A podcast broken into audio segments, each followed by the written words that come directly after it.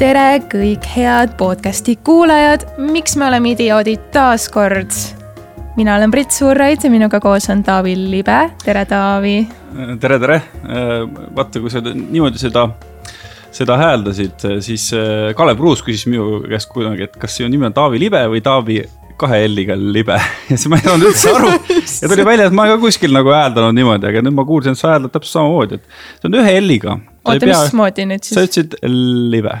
ma olin lihtsalt kelmikas väga kelmikas no kuule, aga üldsegi ei ole me täna siin, et rääkida minu personaalküsimusest ja, ja minu nimest, vaid sellest, et eelmisel reedel sai ühele poole. no minu meelest küll viimaste aastate Eesti kõige parem reality, ma täitsa nagu aplodeerin konkurente teletegijatele. kanal on sama, produktsioonifirma on teine, aga, aga tõesti suurepärane oli Valaline kaunitar, mulle väga meeldis. Nii tore kuulda. kuidas sulle meeldis?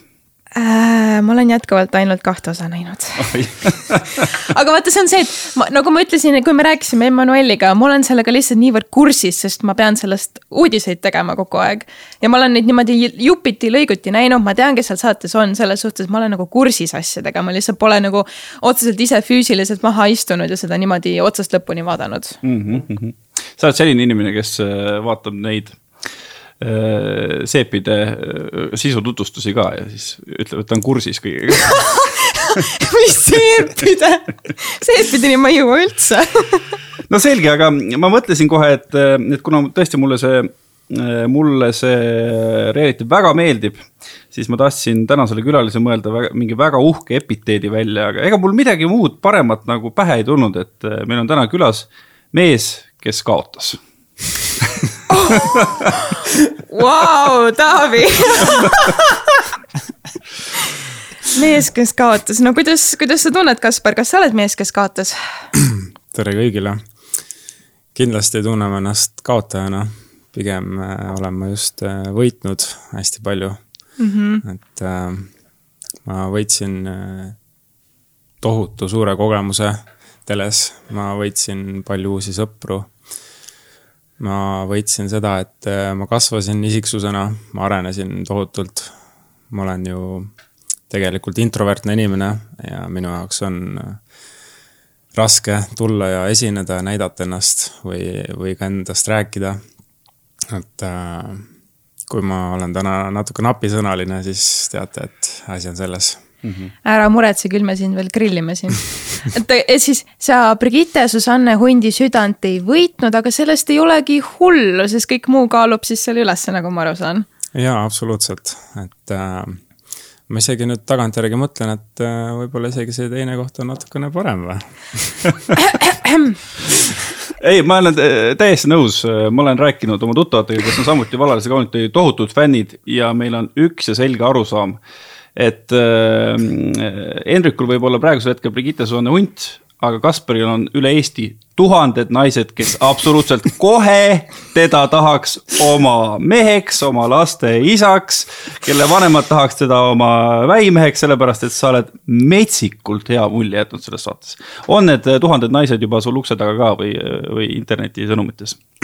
ukse taha õnneks veel või noh, ukse taha ei ole keegi jõudnud aga sõnumitesse on päris palju tulnud kirju. ja tuleb tunnistada, et mõni on ikka päris loominguline, et tähelepanu saada. mul lihtsalt ei ole reaalselt võimalik kõigile vastata. nii kahju, kui see ka ei ole mm,. aga mõni läheneb nii nutikalt, et mm, mul oli päris suur kiusatus mõnele inimesele ikkagi vastata. aga mida nad kirjutavad siis sulle? Nad kuidagi nagu tekitavad süümekaid minus, et äh, tere, Kaspar. ma ikka vaatan vallalise kaunitari saadet ja ma natuke tunnen muret sinu pärast, et eh, kas sul ikka on kõik korras, et ole hea ja anna mulle teada, kuidas sul läheb. et see on nagu, tegelikult on päris armas, et inimesed niimoodi mõtlevad, aga no ma saan aru, et nad natukene võib-olla õngitsevad ka, et ma ikkagi siis vastaks neile. aga mures siis mis mõttes, et kas, et sa oled, paistad kuidagi väga kurb seal ekraanil või et mis nad siis nagu mõtlevad sellega, et on sul nagu vaimselt nagu nii-öelda mingi häda või mõtlen, mida see kiri võib nagu tähendada üldse mm. -hmm. Mm, äkki ta on mures sellepärast, et ma ei ole vastanud talle Pritsin mõtleb äh, selle peale, et, et mida täpselt naised mõtlevad, mina tahan ikka teada, kas mõni pesupilt nagu tulnud või mm,? või, või midagi enamat naisversioon dickpic'ist siis ühesõnaga. Ähm... vastus vist tuli juba, mul on selline kahtlane tunne, et vastus nagu kui me rändame korraks sinna finaali, siis tagasi minul oli au ja privileeg olla päriselt Vihula mõisas kohal, kui te seal filmisite seda. ja ma olin seal eemal, vaatasin, kuidas siis filmiti sinu ja Brigitte seda viimast suhtlust siis seal ja kuidas filmiti siis Henriku ja Brigitte seda suhtlust ja pärast me tegime ka intervjuu. ma ei tea, kas sa mäletad seda ise, aga mina mäletan seda, et sa, sa tundusid reaalselt tohutult kurb. kuidagi sa, sa nägid nii löödud välja ja mul hakkas nii kahju sinust. ja ma ise mõtlesin samamoodi nagu kulla poiss, et sul tegelikult läks väga hästi, et ära üldse muretse, on ju. aga kas sa siis, sa olidki päriselt nagu tõesti löödud, et sa jäid teiseks? Ma olin äh, päriselt kurb ja ma tegelikult, äh, kui ma astusin punasel vaibal, siis äh, ma kogu aeg sisestasin endale, ära hakka nutma, ära jumala eest hakka nutma ja, aga noh, kui see hetk ikkagi käes oli, siis ma tegelikult ei tunne häbi selle pärast, et ma nutsin, sest ma arvan, et ka mehed võivad nutta ja emotsioone näidata. ja loomulikult kogu see pinge, mis äh, saatega tuli, et see oli sinna lõppu kogunenud ja see pinge lihtsalt tahtis välja tulla ja jah, loomulikult ma olin kurb ja ikka viimase hetkeni lootsin, et äh, äkki, äkki ikkagi ta valib minu. aga seda ei juhtunud. no kui sa natukene nüüd distantsilt tagasi vaatad, siis äh, kas tol hetkel sa olid Brigittesse armunud mm,? jälle sihuke huvitav küsimus, et ma seal saates ka tegelikult ähm, mainisin et äh, mul läheb natukene rohkem aega, et tekkida emotsionaalne side. küll aga liblikaid tundsin ma küll kõhus äh, ja Brigitte on äh, väga ilus, armas, ta on särtsakas, ta on kõik, mis üks naine olla võiks, ambitsioonikas. Ja ma ei olnud võib-olla kõrvuni armunud, aga ma tundsin midagi ja ma tundsin, et äh, sellest võiks täitsa saada ilus lugu. aga mida sa Brigittest enne seda saadet üldse teadsid? No ma oletan, nii-öelda okei okay,, Emmanuel ei teadnud midagi, aga sina ilmselt ikka oled ju Emmanuel natuke... teadis Anne Veskist ainult. Et äh, sina ju, ma arvan, ikka oled kursis tema mingite tahmafiltrite lugudega ja nümfomaani skandaalid ja kõik need asjad, et kas see ei olnud enne kordagi nagu teemaks, et kas ma nüüd hakkan siia saatesse kandideerima või mitte mm? -hmm ma tegelikult Brigittet äh, jälgisin juba pikalt, ma kõikide skandaalidega tuttav ei ole, aga ma jälgisin teda sellest ajast, kui ta Powerhit raadios töötas. ma mäletan, mhm. et äh, hommikuti sai hommikukohvi kõrvale siis äh, Powerist muusikat kuulata, siis ma vaatasin, et aa, mingi kena tšikk seal vaikselt toimetab et juba siis viskasin silma peale. ja natukene oli ka hirm, sest ma teadsin, kui tugev isiksus on ja kas mina Türilt pärit poisina tulen toime sellega.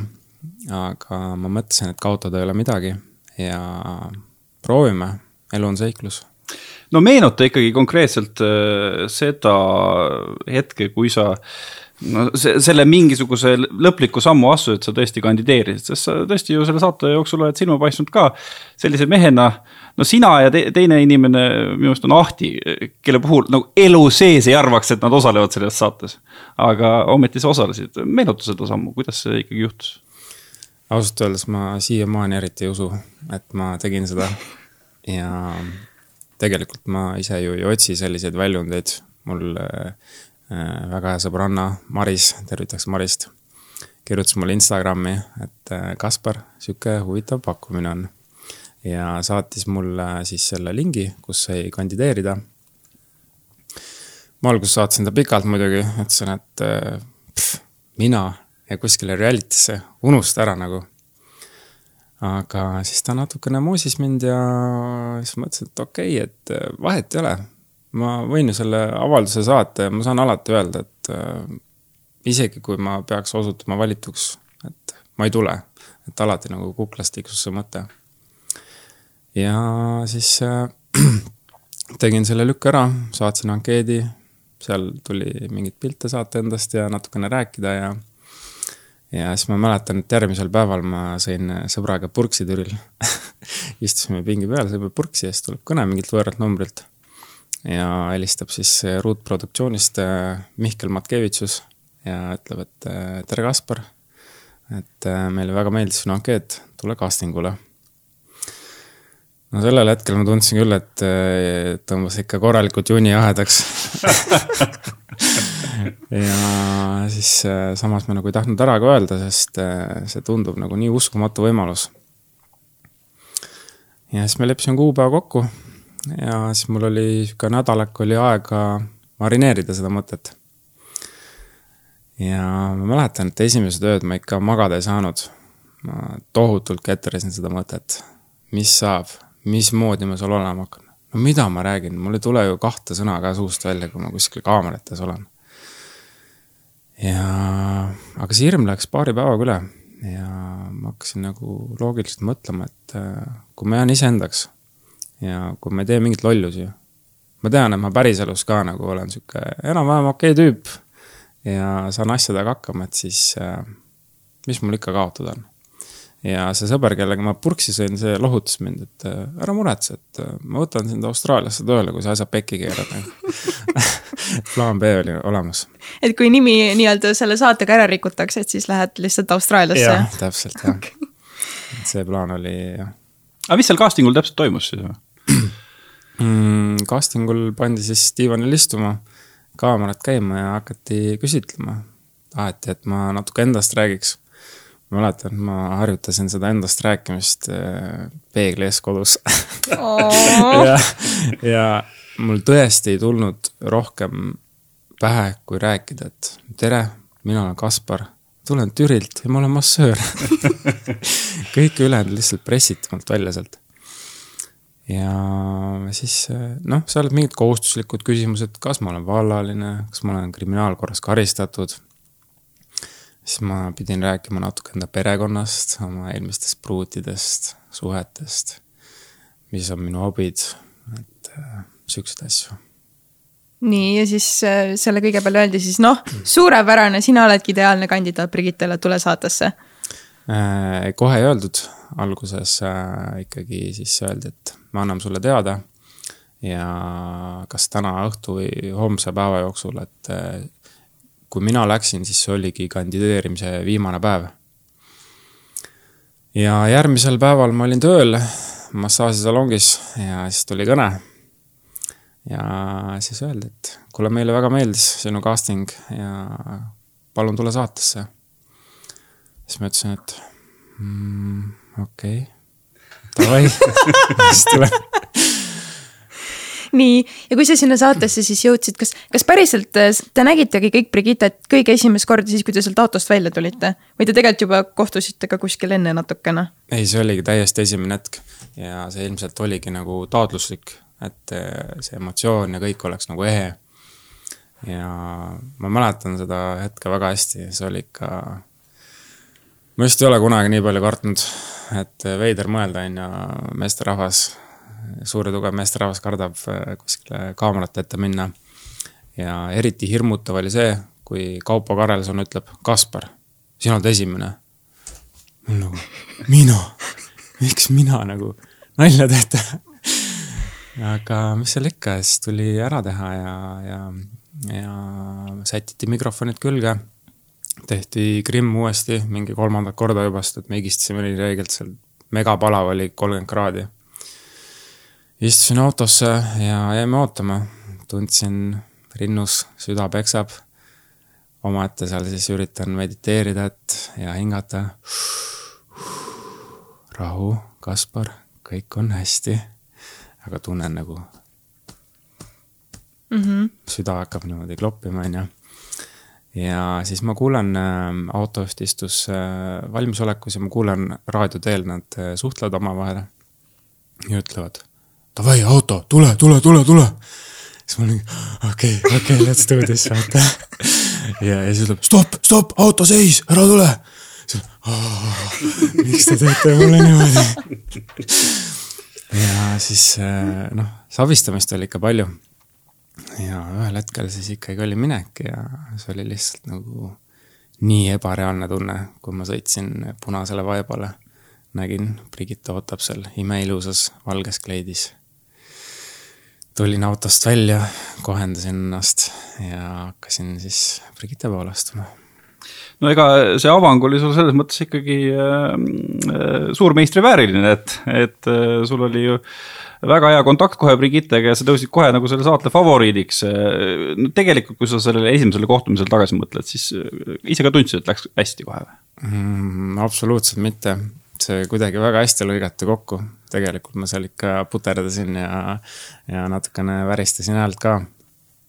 aga, aga ma nägin, et Brigitte ise ka tegelikult pabistas ja, ja siis, äh, kui me juba mõned laused olime ära rääkinud, siis ma tundsin mugavamalt ennast. Et äh, temaga on väga lihtne rääkida ja juttu alustada, et selles suhtes oli hästi. Mm no okei okay,, aga kuidas see saate kogemus siis sinu jaoks oli, et ma saan aru, et kõik seal poisid saite nagu suht vennastuda omavahel ja väga headeks sõpradeks ja suhtlete siiamaani?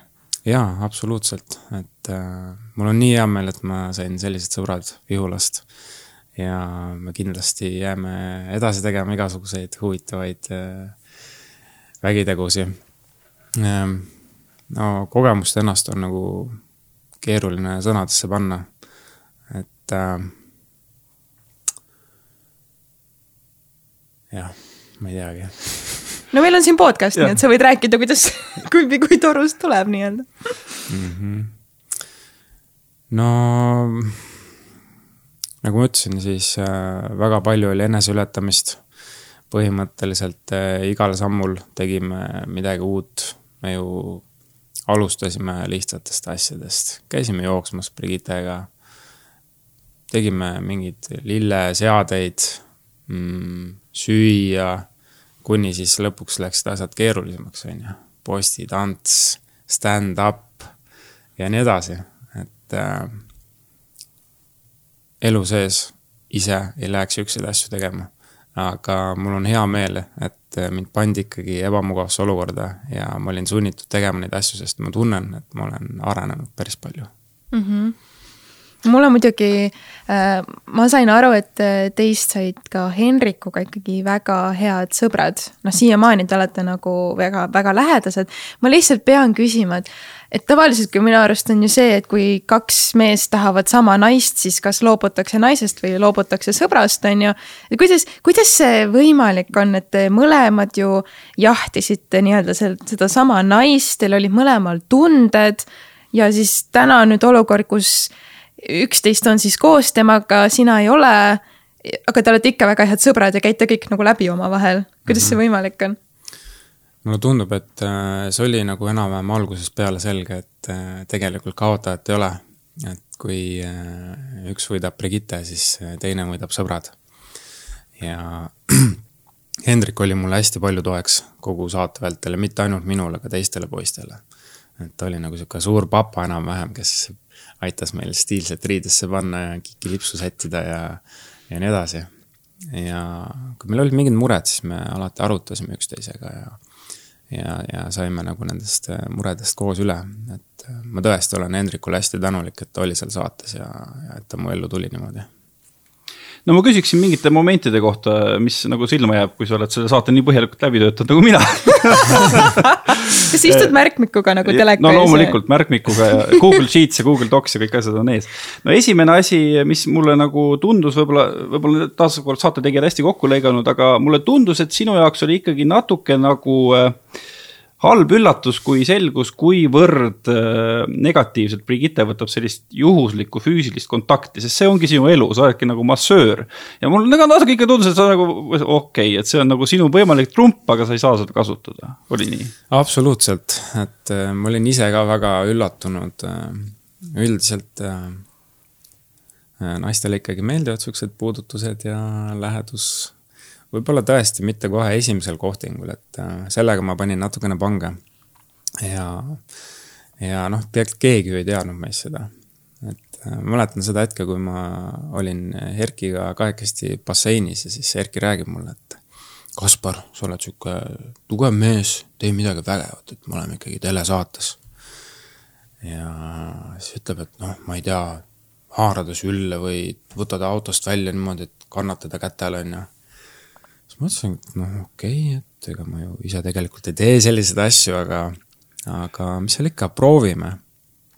ja siis esimene kohting, kui me seal seikluspargis olime siis ma proovisin seda ja, ja talle kohe üldse ei meeldinud see, kohe üldse ei meeldinud.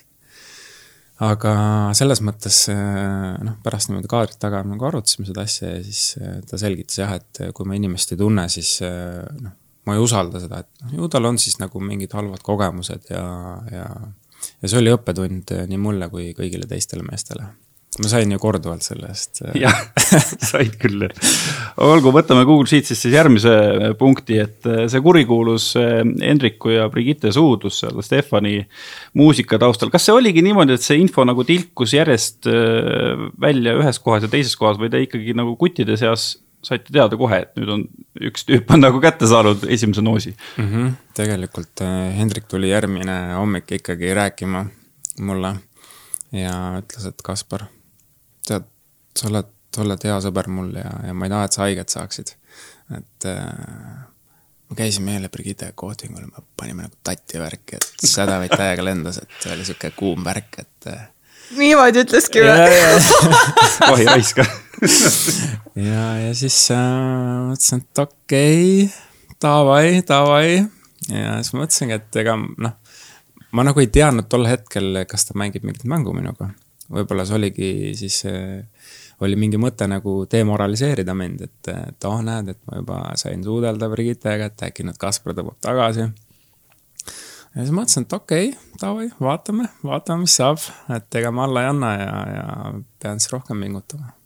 Et see kohe nagu motti maha ei tõmmanud, sa mõtlesid, et see võib ka mingi mäng olla? absoluutselt, absoluutselt, ma noh, ma ju ei tea, et me oleme küll kõik sõbrad, aga samas me ju kõik jahime ühte inimest, kõik mm. jahime hunti ja, ja kolmas moment minu Google Sheetsist on siis see, äh, kui teid oli veel kolm ja oli see roositseremoonia, kui enne see Brigitte, Brigitte kuskil rõdu peal mõtles põhjalikult ja sa läksid temaga rääkima. kas see oli sinu initsieeritud kohtumine või keegi nagu soovitas sul seda teha ja miks sa seda tegid? Äh, jah, ma lõpupoole hakkasin tunnetama, et äh, ma hakkan seda mängu kaotama ja siis ma ühes intervjuus ütlesin et äh, mulle tundub, et mul ei ole enam midagi teha siin, sest äh, Brigitte vaatab juba sellise armunud näoga Hendrikut. ja siis äh, produtsendid vaatasid siukse äh, kergitatud kulmuga mind, et ohoh, ohoh, niimoodi kohe, Kaspar. ja siis pärast äh, rääkisime omavahel, et äh, et äkki lähed ja, ja ütled siis seda Brigittele ka, mis sa tunned. ja siis ma mõtlesin, et okei okay., ma tegelikult eriti ei tahtnud teha seda aga samas ma arvan, et see oli nagu õige otsus, sest äh, ma mingitel hetkedel mõtlesin juba küll lõpupoole, et äh, äkki oleks mõistlik ise ära minna siit, sest kogu see saade tegelikult äh, tohutult pingestas ja, ja stress oli päris suur ja kui sa hakkad nagu tundma, et lootus hakkab ära kaduma, siis noh, ikka tekivad siuksed allaandmise mõtted natuke. aga mul on hea meel, et ma ei andnud alla ja et ma ikkagi läksin lõpuni välja mm. -hmm. ei, selles mõttes ma ikkagi annan sulle igati au, ma ütlen, et kui mina oleks selles saates olnud ja esimene pilk, mis oleks Brigitte läinud ükskõik millise teise mehe suunas, ma oleks öelnud fuck it, aita aita, ma lähen minema et, et see lõpp nagu ikkagi, et see oli nagu karm ja ja just nagu introvertse mehena ma kujutan ette, see, see nagu läbielamine ikkagi päris ränk mingil hetkel või? See oli päris raske jah, ja ma tundsin peale saadet äh, täiesti tühjana ennast. Äh, kui ma siis Vihulast koju sõitsin, siis äh, helistasin oma sõbrale ja saime natuke rääkida ja, ja noh, eks rääkimine alati aitab. kui koju jõudsin, siis läksin oma kassidele kaisu ja siis nad tulid mu peale nurruma ja noh, see, see nagu võtab igasuguse mure alati ära aga kas te saate ajal ka tohtisite nii-öelda välismaailmaga siis suhelda või mingit kontakti nagu kellegagi hoida mm,? tegelikult ei tahetud, aga kuna me ikkagi oleme ju tööinimesed kõik, siis noh, töökõned olid ikka lubatud ja, ja sellist asja nagu noh, oli vaja teha vahepeal mis sul siis oli, et vahepeal keegi klient helistas, sa ütlesid, ma ei saa, ma praegu masseerin siin Brigittet kolmandat nädalat kus, kusjuures mul olidki ju äh, massaažiajad ja, ja, ja siis ma ei tühistanud kohe kõike ära, sest et ma ei teadnud, kui kaua ma saates olen. võib-olla visatakse esimesel nädalal välja juba, siis ma olen mingi kolm nädalat aegasi ära tühistanud lihtsalt. ja siis mul oligi vaja teha neid kõnesid ja öelda inimestele järjest, et äh, kuule, sorry, midagi tuli ette ma ei, ma ei saa praegu, et tõsta maja paar nädalat edasi mm. -hmm. aga kui palju sellist, äh, ma ei tea, kaadritagust, ma ei tea siis suhtlemist Brigittega või oli üldse sellist, et noh, et, et kui kaamerad ei käinud, et siis te ka kuidagi, ma ei tea, saite kuskil kokku midagi rääkisite, tegite või? alguses ei lubatud üldse Mm -hmm. aga mida rohkem edasi saade läks, siis äh, nad natukene juba leevenesid, et me saime vist äkki mingi ühel või kahel korral saime koos õhtus süüa. ja ma loodan, et ma nüüd pahandustesse ei satu, aga, aga me natuke tegime pättust ka, kui olime jäänud ainult mina, Hendrik ja Maicel. siis me lihtsalt ühel õhtul kadusime koos võtsime auto ja läksime, sõitsime mere äärde natukene koos aega veetma. Kuna... oota nüüd ainult teie poisid või te neljakesi siis äh,? meie poisid ja Brigittega mm. -hmm. et äh, me tundsime, et me tahame nagu niisama ka aega veeta, et äh, muidu oli ainult kaamera, kaamera, kaamera. ja, ja tunnen, et see tohutult aitas mul endal ka pingeid maha võtta, sest äh, ma sain nagu Brigittega niimoodi vabas vormis suhelda ja, ja see oli hästi mõnus kuni siis äh, ühel hetkel hakati meile ükshaaval helistama keegi vastu ei võtnud siis saime aru, et okei okay,, nüüd tuleb vaikselt tagasi hiilida. no keegi teada ei saanud. nüüd, nüüd siis teate ja kas äh, Brigitte magamistuppa ka keegi teist jõudis mm,? minu teadmist mööda mitte mina ei jõudnud oota, aga kui ikkagi seal oli sellist marineerimist päris korralikult ja, ja sellest passimist üleüldse te saate tegema suures osas üks passimine. saite mõnel õhtul korralikult nagu tina ka panna või mm,? jaa, ikka sai. nagu korralikult, mitte seda freshenetti kuradi laskuda kogu aeg mina isiklikult ei mulle ei meeldi nagu täiesti pumbaks tõmmata ennast, ma ikkagi jään viisakuse piiridesse, eriti kui ma tean, et järgmisel päeval on vaja normis olla. aga meil olid siuksed äh, koosviibimised. ja ma mäletan hästi seda, et ma ei tea, miks Maicel seda tegi, ta ise ei joo alkoholi. tema oli alati see, kes tõi meile jooki juurde nagu. ma ei tea, kas see oli mingi taktikaline lüke või tahtis, et me siis nagu noh, ilmselt mitte, ilmselt ta lihtsalt nagu tahtis jääda, onju aga jah, see on nagu naljakas, et ta ise ei joonud, aga tõi meile alkoholi kogu aeg juurde. poisid, jooge, jooge tahtis äkki, et te puistaksite südant või midagi mm,? väga võimalik, jah. täidaksite oma saladused. võib-olla, jah. aga kas, äh, no kui nüüd kõikidest nendest äh, kuttidest, kas oli ka keegi, kes, äh, ma ei tea, jättis kaamera ees sümpaatsema mulje, kui ta nagu päriselt oli? Mm,? no ma võin endast rääkida võib-olla, et äh, ma jätsin ju siukse normaalse mulje, on ju, aga noh, eks ma päriselus olen natuke krutski ka vahest ja meeldib siukseid sarkastilisi nalju teha, et äh, võib-olla päris nii pai poiss ma ei ole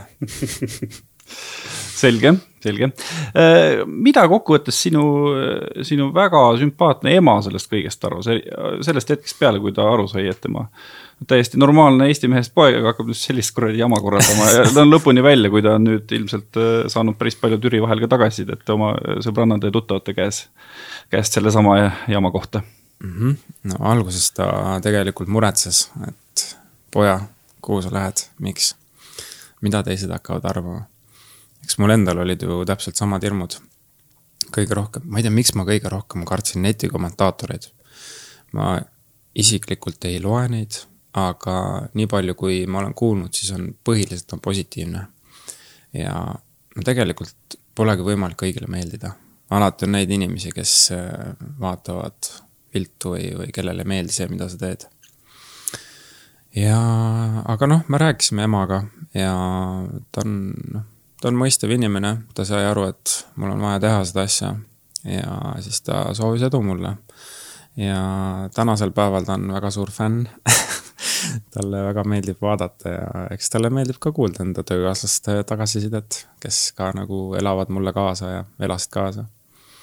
et äh, positiivne, väga positiivne on nojah, ma kõlan juba nagu täielik fännboi on ju, aga, aga no tõesti, mulle, mulle meenub, kui äh, olümpiavõitja Gerd Kanterit nagu hakati vormima äh, tema tiimi poolt, siis äh, üks tema mänedžeri selline põhiline eesmärk oli ka see, et et kõik nagu temavanused naised tahaks Kanterit endale meheks ja kõik generatsioon vanemad naised tahaks Kanterit endale pojaks, minu meelest sul on täpselt sama, need, ma kujutan ette, kõik need kuradi ema sõbrannad ja üldse viiekümnendates Eesti naised tahavad sellist poega endale, nii et ei ole midagi muretseda. No ma mõtlen ka, et kuidas, kuidas see saade, ma ei tea siis, kas või su ärile on mõjunud, et on sul siis nüüd nagu lauad täis book itud lauad kuni... lookas lauad lauad lookas issand jumal. töö on tellimaterjalist et noh, ma ei tea, ongi, et äh, kuni oletame a la tahan su juurde massaaži tulla, siis enne uut aastat aega ei saa näiteks? ei ole see asi nii hull praegu. Äh, kuna ma hetkel töötan veel Türil, siis äh, Türil ei ole ikkagi nii palju inimesi või, või siis äh, kuidas ma ütlen mm,. Türi on väike koht ja mul on pigem siuksed paarinädalased järjekorrad ja praegu on haiguste periood hästi palju on tühistamisi olnud ikkagi, et, äh, et leiab, kes tahab tulla massaaži, helistage, kirjutage, leiame mm. -hmm. aga on selliseid kliente ka olnud, kes on tulnud teisest Eesti otsast lihtsalt nagu äh, telestaari käte alla nagu, nagu elavust tegema? jaa, absoluutselt, et äh, tulevad Tallinnast, Tartust, on tuldud äh, rongide, bussidega ja mul on hea meel, mul on hea meel, et ma olen äh, suutnud nagu sihukese mulje jätta inimestele, sihukese hea mulje, et inimesed tahavad ka kaugelt tulla massaaži. aga kas sa sellele ei ole mõelnud, et äkki näiteks Tallinnasse kolida? ma oletan, et no Tallinn ei ole nii väike linn, et võib-olla siin oleks siis veel rohkem action'it.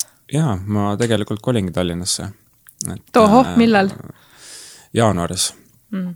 ma täna lähengi peale seda podcast'i vaatama kahte äripinda ja ja kui miskit sobib, siis ma teen lepingu ära ja kui äripind on olemas, siis ma hakkan üüripinda vaatama.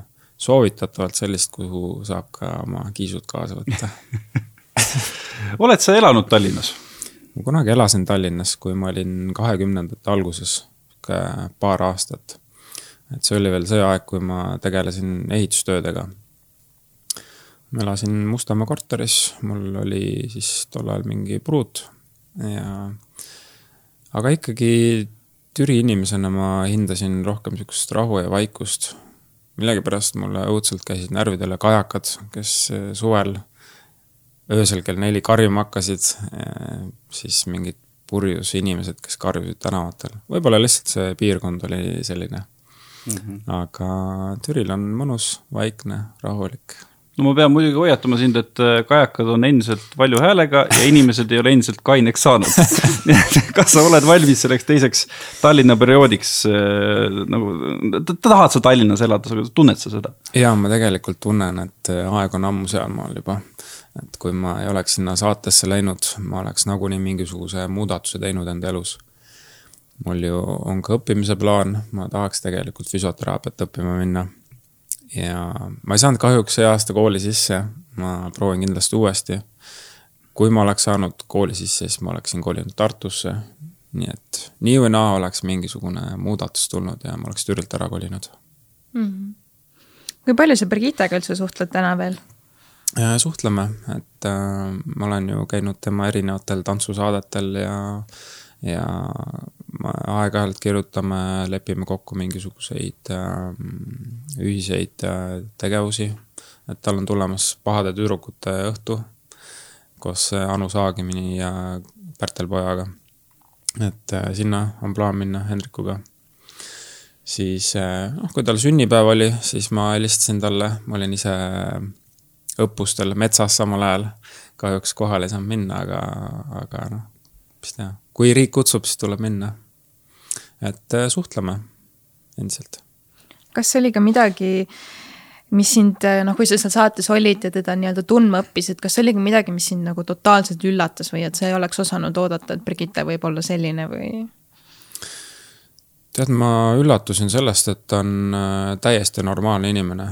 ta on täpselt samasugune lihast ja luust inimene nagu meie, et võib-olla televaatajatele tundub, et ta on niisugune noh, teletäht ja superstaar ja kõik seda, aga tegelikult täiesti sama, täiesti samasugune inimene nagu mina ja sina, et, äh, et äh, jah no sa ütlesid ka päris alguses, et tegelikult sa oled sellest saatest ju võitnud, et sa oled, sa oled nagu inimesena ka mm, arenenud, kui me jätame selle igasuguse nagu avalikkusega harjumise ja, ja kaamera ees olemise välja. mida sa nagu kõige rohkem õppisid enda hinnangul mm,? eneseväljendusoskus paranes tohutult, et äh, me ju kogu aeg pidime andma intervjuusid, kogu aeg äh, pandi mõtlema oma tunnetest nagu Eesti mees mõtleb tunnetest, mis asja. Alguses oli päris keeruline vastata nendele küsimustele, et äh, noh, räägi nüüd, mis tunde see sinust tekitas, kui Brigitte sind vaatas sellise pilguga?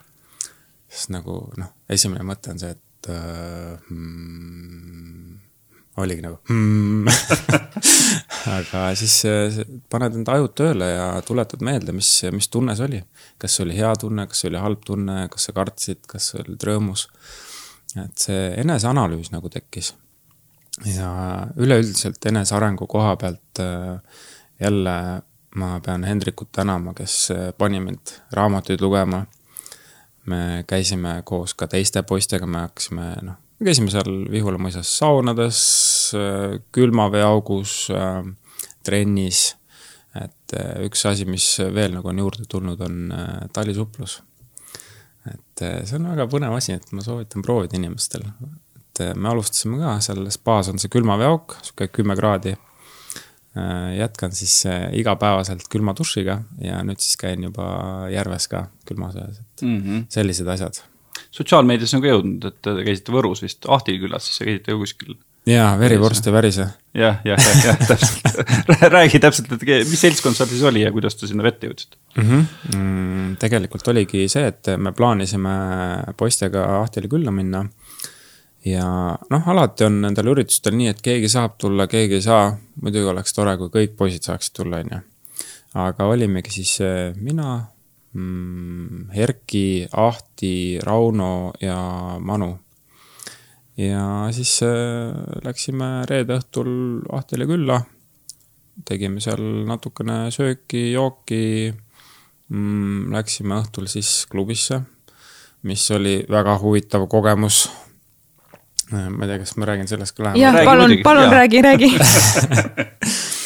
et äh, alustasime siis äh, mul ei tule täpselt meelde, mis selle koha nimi oli, ta oli vist mingi klubi seitseteist või Pub seitse, Seventeen, midagi sihukest äh,. väga tore rahvas on Võrus, hästi soojalt võeti vastu ja, ja noh, see oli esimene sihuke avalik kontakt inimestega, kus siis nagu nii-öelda vallalise kaunitari poisid läksid kuskile välja ja, ja siis tuldi pilte küsima ja juttu rääkima et äh, alustasime siis sealt äh, pubi seitseteist, pärast liikusime edasi Club Tartusse, kus äh, on natukene noorem seltskond. seal oli juba hmm, jah, päris äh, huvitav nii et äh, noh, loomulikult siis kõik pilgud olid alguses äh, meie peal ja kõik tahtsid pilte teha ja juttu rääkida ja kuna ma olin kaine mul on ah, üks asi veel, et eh, ma võtsin vastu otsuse, et ma nüüd proovin aasta aega kaine olla.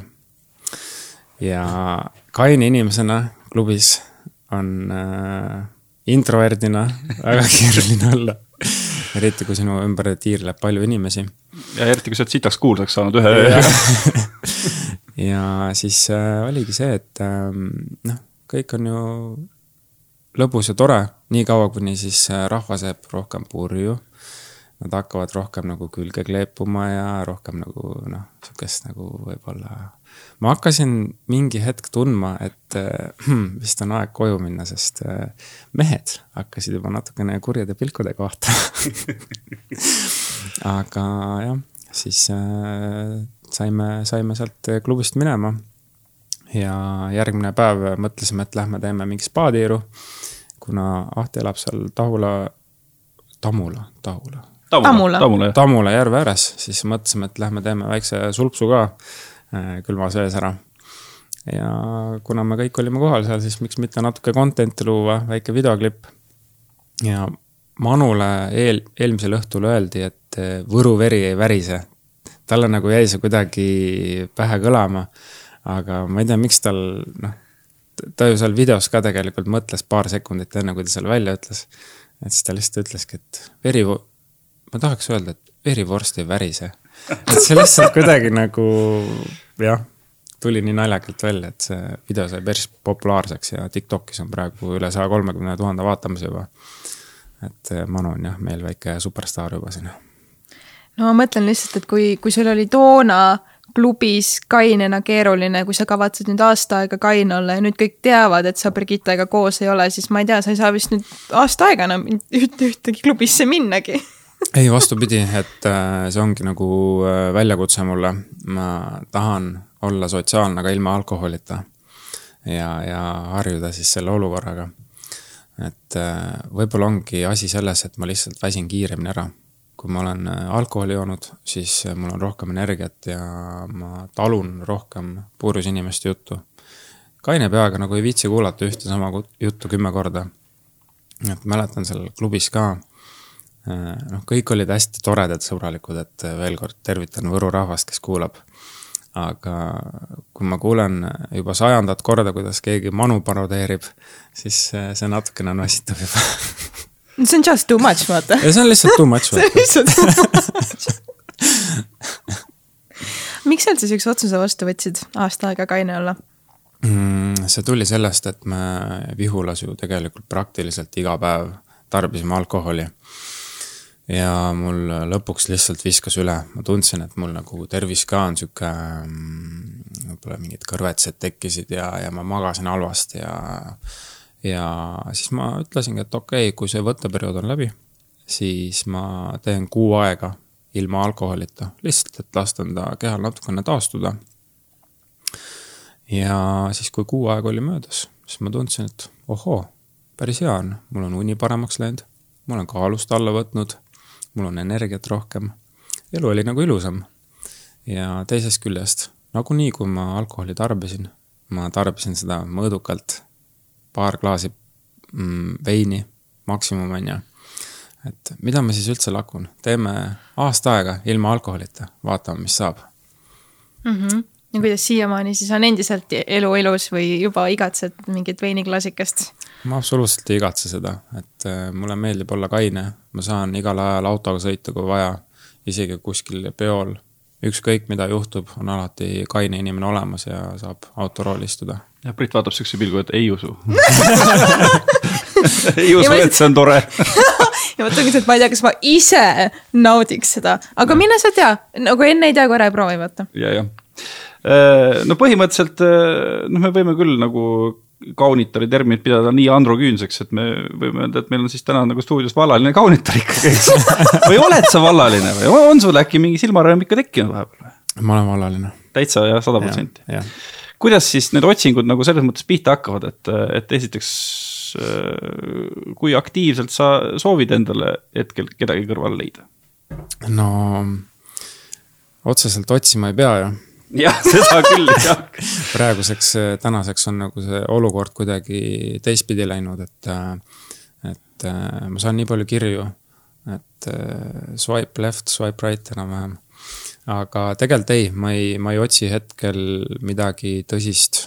ma ootan ja vaatan, mis elul pakkuda on vaatame, äkki tehakse ka järgmine aasta mingi huvitav saade, kus on siis mees rollis. ma just tahtsin küsida. ma garanteerimas olen Rannamaja rannamaja, rannamaja sureb siis, kui sureb meie planeet. aga kui, oota, aga kui sulle peaks tehtama näiteks pakkumine, tavaliselt vaata välismaal ju on niimoodi, et see noormees, kes kaotab vallalise kaunitari, temaga tehakse siis äh, nii-öelda bachelor saade, noh, ma ei tea eesti keeles siis ma ei tea, vallaline kavaler või, või poissmees jah mm -hmm. näiteks on ju. kas sa võtaksid selle vastu, kui sulle tehtakse pakkumine? Ma kindlasti võtaks selle pakkumise vastu, kindlasti. Kaupo Karelson, oh my god, okei okay,, ma loodan väga, et ta kuulis seda või kuulab siis seda, sest et ma arvan, et äh, ma, ma mõtlesin sellele, et see oleks ilmselt nagu ülilahe, kui nüüd olekski vaata mees, kes ei ole otseselt kuulsus või selline mingi mhm. figuur, vaata, et mhm. ongi sihuke tavaline, normaalne, lihtne Eesti mees, aga kellel need juba on tekkinud ju fännid ikkagi mm. -hmm see oleks muidugi päris õudne, esiteks aasta aega kaine olles, sa pead nagu aasta aega hoidma tagasi ka selle saate jaoks, sa hakkad terve suvel tulema. aga see ongi nagu enam-vähem sellel ajal ma lõpetangi enda kaine perioodi ära. et siis, siis ma, kui see peaks juhtuma, siis ma kindlasti luban endale mõne pokaali mm. -hmm. no ma ikka nagu selles mõttes kiusan edasi, et kõik need miljonid inimesed, kes on sulle juba kirjutanud sinna sõnumitesse, et, et tahaks sinuga kohtuda, et kas sa üldse nagu Äh, potentsiaalselt äh, reageeriks mõnele sellele kirjale niimoodi, et sa loedki läbi, sa võib-olla vaatad selle tüdruku pilti ka ja natuke profiili ja mõtled, aga davai, lähengi nagu selle peale välja, et ta lihtsalt kirjutas mulle midagi toredat. Mm.. on see võimalik? jaa, loomulikult, et äh, kui see inimene on intrigeeriv mulle, siis ma, siis ma vastan talle ja, ja võib-olla isegi kutsuks välja ja, ja noh, alati ei pea ju asi lõppema abieluga et äh, võib ka sõprussidemeid luua ja, ja uued tutvused on alati teretulnud. kunagi ei tea, milleks üks või teine inimene võib äh, tulevikus kasulik olla aga kuidas sa varasemalt enne saadet, äh, ma ei tea. naisi said jah, naisi said, et kui ei olnud produktsioonifirma truud, mis sa siis tegid mm,? noh, ma olin ju tegelikult vähe aega vallaline olnud et ma olin umbes aasta aega saingi olla vallaline, kuni, kuni ma sinna saatesse läksin. ja mul ei ole väga palju kogemust mm, date imises või tinderdamises. ma käisin vist aasta jooksul kokku mingil neljal või viiel date'il. ja noh, väga toredaid sõbrannasi sain, et äh, mõnega suhtlen siiamaani ja ma ütlen, et ma olen siia, noh, ma olen siiamaani avatud uutele sõprussidemetele või ka miks mitte ärisidemetele. milline sinu suhtlus äh, selle viimase endise elu, elukaaslasega on, et kas, kas teil on selline side, et, et te olete ka seda saates käiku arutanud omavahel või, või see ei ole nagu teema olnud? jaa, absoluutselt. me tegelikult oleme, võiks öelda, parimad sõbrad. ja nii naljakas, kui see ka ei ole, aga me jagame kasse et. Äh, ühis, ühishooldus ühesõnaga. ühishooldusõigus on jah, et äh, see vist oli äh, ainuke teema, mille üle me reaalselt vaidlesime, kui me lahku läksime, et mis saab kassidest. alguses nagu mõtlesime, et üks läheb ühele, teine teisele, aga ei, ei taha nagu lahutada ka neid. ja siis otsustasime, et okei okay,, teeme kaks ja kaks nädalat. aga nüüd on kuidagi läinud üle, et kuu aega ja kuu aega. aga kuidagi veider on see, et ma saan temaga palju paremini läbi nüüd, kui me lahus oleme. ei ole mingeid pingeid, ei ole, noh, tülitseme ikka vahest, et noh, sõbrad ka tülitsevad, on ju. aga me oleme üksteisele toeks ja, ja noh, ma tervitaks teda ka siinkohal ja, ja tänaks kõige eest, mis ta mulle teinud on. no mis tema tagasiside on olnud siis kogu sellele asjale, mida te ilmselt on ka televiisorist näinud mm,? ta on äh, ka väga positiivselt suhtunud sellesse alguses samamoodi natukene põdes, aga kui me arutasime, siis, siis ta ikkagi oli toeks mulle ja, ja julgustas, et mine muidugi, see on sinu elu ja, ja et oleks ju rumal sihukest võimalust kasutamata jätta. Selliseid kommentaare ei ole olnud, et no mis mõttes, Kaspar, et Brigitte jaoks sa teed seda ja seda, aga minu jaoks ei võinud siis teha. Miks sa minuga koos alles selline ei olnud? Jah, tuleb tunnistada, et äh, võib-olla olen kuulnud isegi neid kommentaare, jah aga need on äh, loomulikult lõõpivad ja, ja naljaga pooleks, et äh, kus on siis see väike tõetera ka taga mm. -hmm.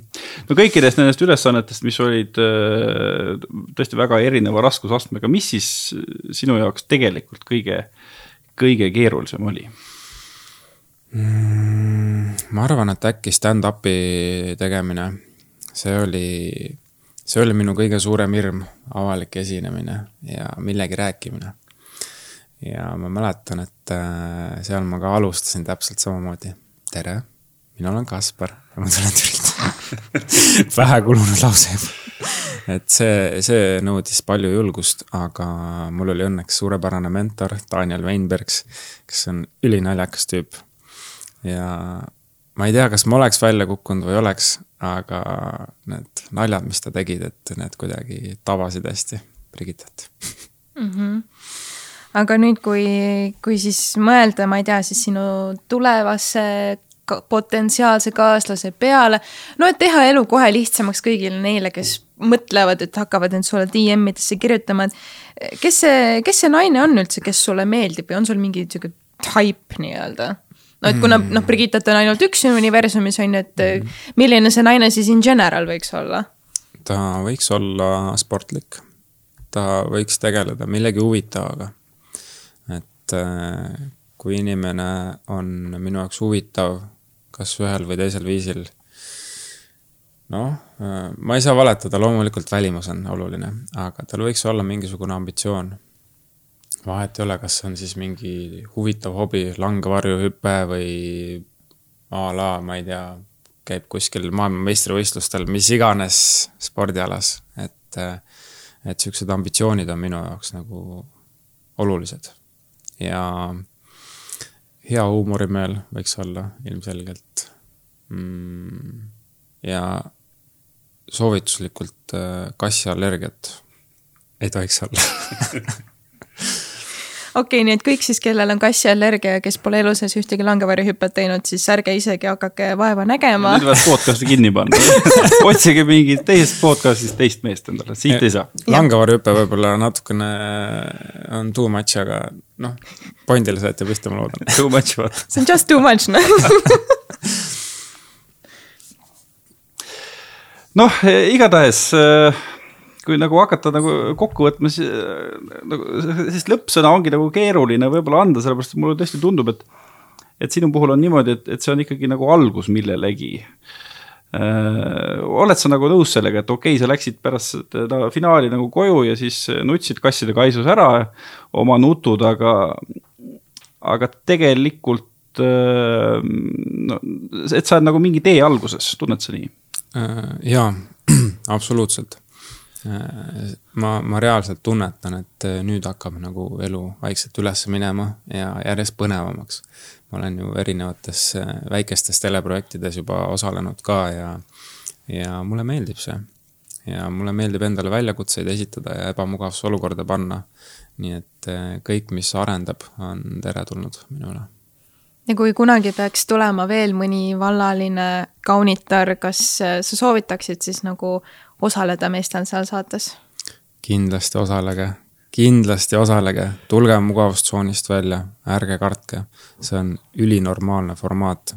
keegi ei tee teid lolliks seal, kui te ise lolliks ei tee ennast näe, kuuled, Taavi? no vot, vot, vot, vot, vot. Äh, mul on veel üks küsimus, kas sa lubad, et sa vastad ausalt sellele küsimusele? sa pead lubama, muidu ma ei küsi no okei okay,, ma luban. Davai on nüüd see valedetektori test. Äh, kui juhtub selline asi, et äh, Hendrik ja Brigitte lähevad lahku kas sa sooviksid võib-olla teist võimalust mm,? vastus on äh, ei, sellepärast et ma ei taha oma sõpradele teha niimoodi, et nende endiseid naisi sebima hakata see on, see on alati üks minu põhimõtteid olnud, et ma ei lähe oma sõbra naist timmima, kui ta on lahku läinud. ta ei taha neid ülejääke, vaata. Sorry, need olid minu sõnad, nii et. Kuule, aga suur aitäh sulle, Kaspar, et sa tulid meiega, rääkisid siin, et ma tõesti loodan, et mul oli, ma räägin, mul oli nagu südamest kahju, kui ma sind seal Vihulas nägin, ma tundsin seda kurbust, seda pettumust, aga ma tõesti loodan, et äh, sa said sellest kõigest ikkagi võrdlemisi kiiresti üle ja et sa võtsid endaga ainult positiivset sealt saates kaasa. jaa, aitäh sulle, niimoodi on, tänaseks kõik haavad on paranenud ja ma saan eluga edasi minna. kassid lakkusid terveks. kassid lakkusid terveks ei, ma arvan tõesti, et Kaspar ei ole mingit probleemi, kassid võisid lakkuda, aga neid tuhandeid, tuhandeid naisi, kes tahavad osa saada ja. kes tahavad ka lakkuda. tahavad lipsida ja, ja näksida ja teha kõike muud, neid on äh, tohutult palju. kindla peale Eesti reality'te ajaloo üks kõige nagu positiivsemaid kuvandeid üldse on, on sinu puhul selles saates olnud, nii et äh, oli tõesti au nagu sellele kaasa elada ja aitäh sulle, Kaspar. aitäh teile ja, ja aitäh ka kõigile meie kuulajatele, kes meiega siin täna kaasas olid. kohtumiseni uuel nädalal siis. Taavi noogutab. jah, tšau tšau